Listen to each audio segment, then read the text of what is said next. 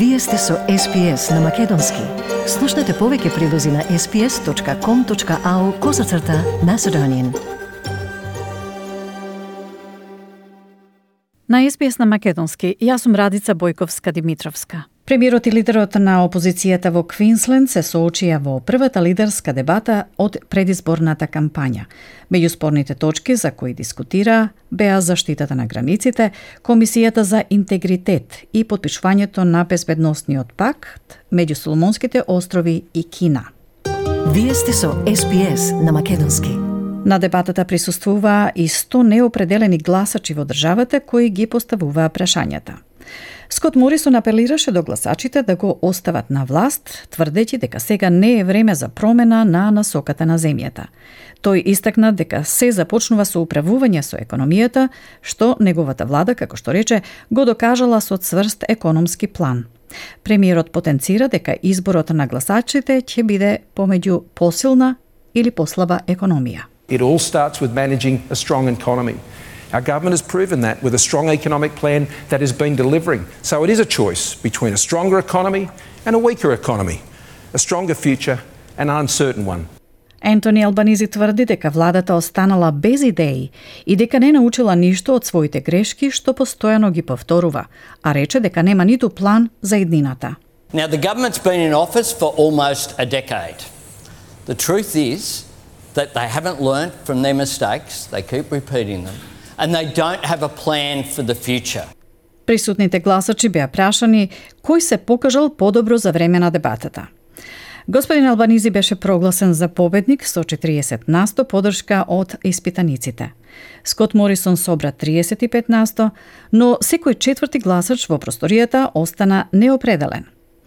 Подпишувањето на безбедностниот пакт меѓу Соломонските острови и Кина ја засенува кампањата и дебатата – Господин Албанизи повторно го критикуваше бавниот одговор на владата и нејзината одлука да го испрати само министерот за Пацификот Зет Сеселја, велејќи дека владата знаела за случајот со месеци.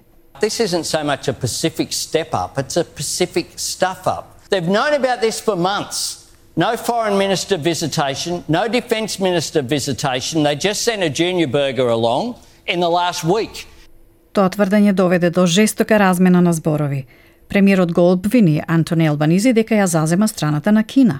But what I don't understand is that when something of this significance takes place, why would you take China's side? That, that's an outrageous slur from the Prime Minister, and it shouldn't be, uh, national security issues shouldn't be the subject of that sort of slur. Тоа е враќање на почетокот на парламентарната година, кога владата ја обвини опозицијата дека во своите ставови е усогласена со Кина.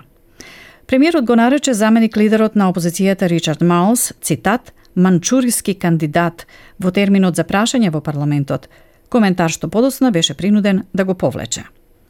Националната безбедност останува клучен фокус пред денот на гласањето, заедно со заштитата на границите – Скот Морисон го притисна опозицијскиот лидер да ја потврди неговата подршка за враќање на бродовите кои ќе пристигнат нелегално во австралиските води.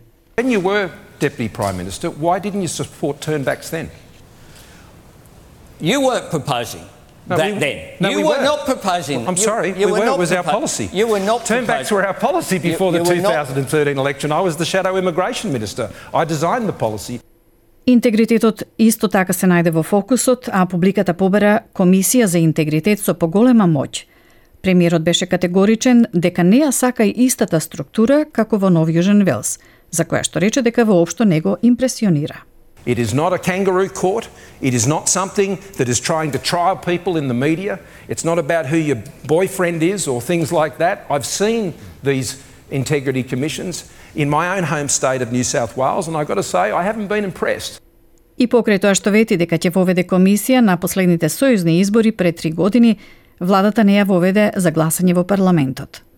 Господин Албанизи ја изрази својата подршка за моделот во Нов Јужен Велс, подвлекувајќи дека антикорупцијската комисија во државата прогласила и либерални и лабористички пратеници за виновни за корупција, за што вели дека е добра работа.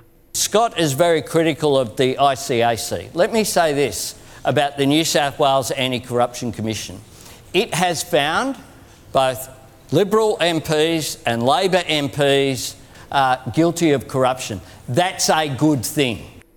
И двајцата лидери добија прашање од мајка на 4-годишен син со аутизам за еднината на Националната програма за инвалидско осигурување или скратено NDIS.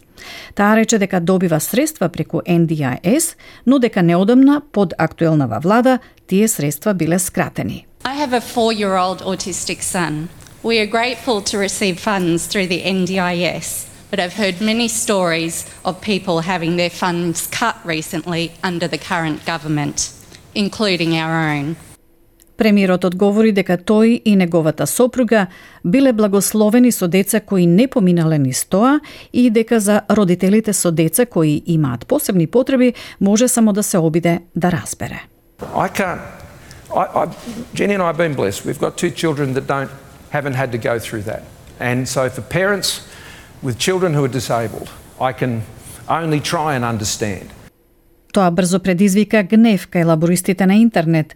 Портпаролот на опозицијата за NDIS Бил Шортен на Твитер напиша, цитат, Премиерот вели дека е благословен што има две деца без хендикеп.